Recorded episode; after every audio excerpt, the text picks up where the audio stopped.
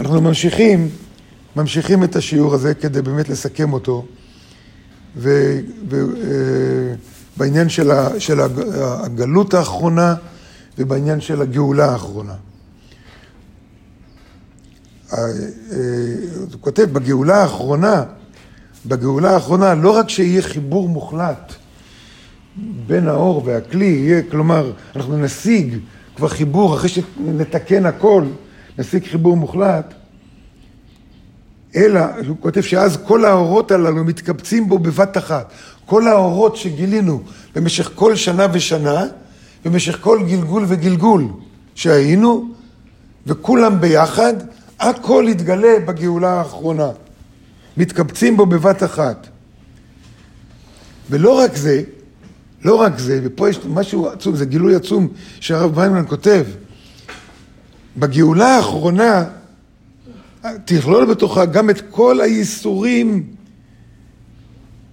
והסבל והכאב שעברנו לא רק בחיים שלנו, בכל הגלגולים כולם. זה יכלול, כלומר, את התועלת. כי למדנו, יש דרך התורה, ויש מה עוד? דרך הייסורים. זה יביא אותנו וזה יביא אותנו. אז העבודה הרוחנית שעשינו במשך כל הדורות, כל הגלגולים, כל החיים עכשיו, כל זה, זה לא מספיק בשביל להביא גאולה. זה לא מספיק. כי לא תיקנו מי יודע מה לאורך כל הזה. הוא אומר, כן, אז זה מוסיפים על זה, על זה מוסיפים עכשיו גם את כל האיסורים שעברנו במשך כל גלגולי החיים שלנו. כל האיסורים, כל החורבנות, כל הגלויות, כל הסבל. תחשבו, מה, באמת, מה שהעם שלנו עבר מאז יציאת מצרים עד עכשיו, כל השלושת אלפים שנה, שלושת אלפים שלוש מאות שנה שעברנו, כולל יציאת מצרים, ארבעת אלפים שנה. כמה סבל וייסורים עברנו. כל זה מתקבץ ביחד, כי כל סבל, אנחנו יודעים שכל סבל וכל ייסורים מנקה את הנשמה שלנו.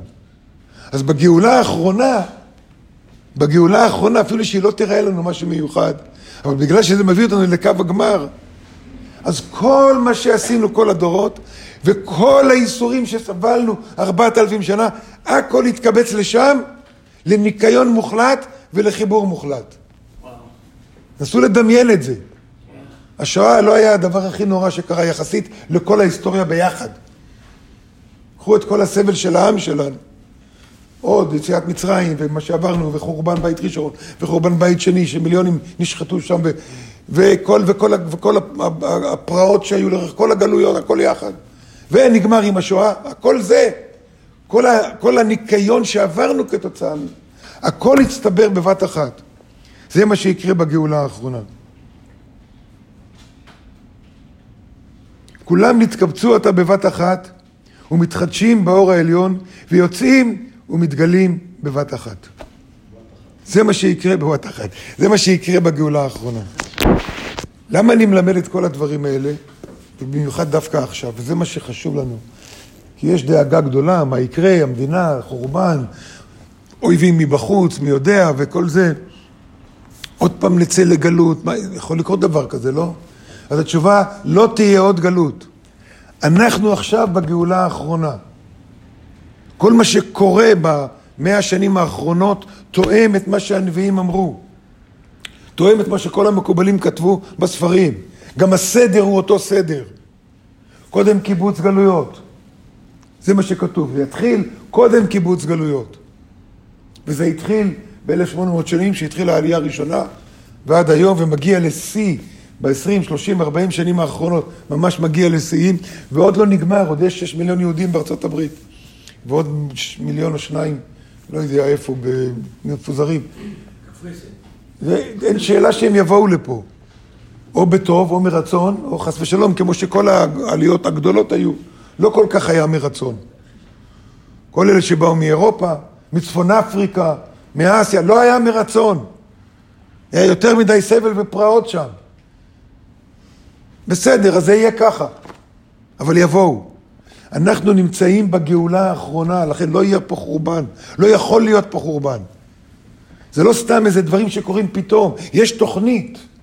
זה מה שחשוב להבין. יש תוכנית לבריאה, ואנחנו הולכים לקראת הסוף, יש לנו עוד 210, 217 שנים, בסדר, וזה במונחים, במונחים של, של התפתחות טכנולוגיים, של התפתחות הטכנולוגיה. מה זה 210 שנים? זה כמו מיליון שנה של התפתחות הטכנולוגיה.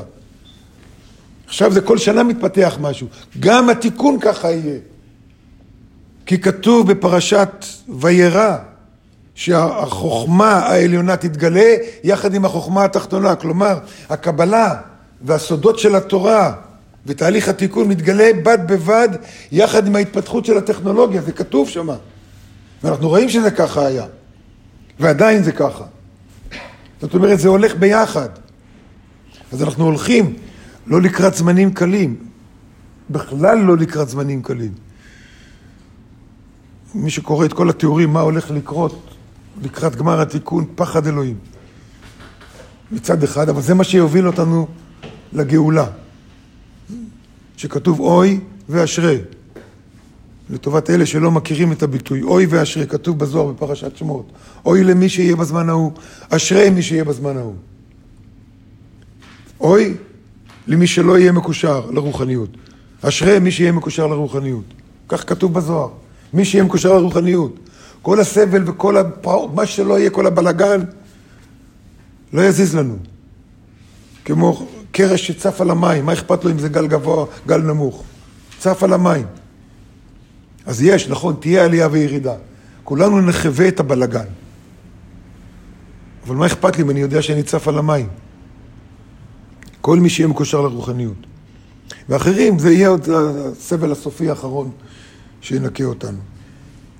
וזה היתרון של ללמוד רוחניות. זה היתרון הגדול של ללמוד קבלה. זה, זה הסיבה מדוע אנחנו לומדים קבלה. אנחנו רוצים לצמצם את הסבל שיהיה בגאולה האחרונה, ולא להיות מעורבים בזה. לא להיות מעורבים, ורוצים שכולם לא יהיו מעורבים. והאמת, אם כולם יהיו רוחניים, לא יהיה סבל וייסורים.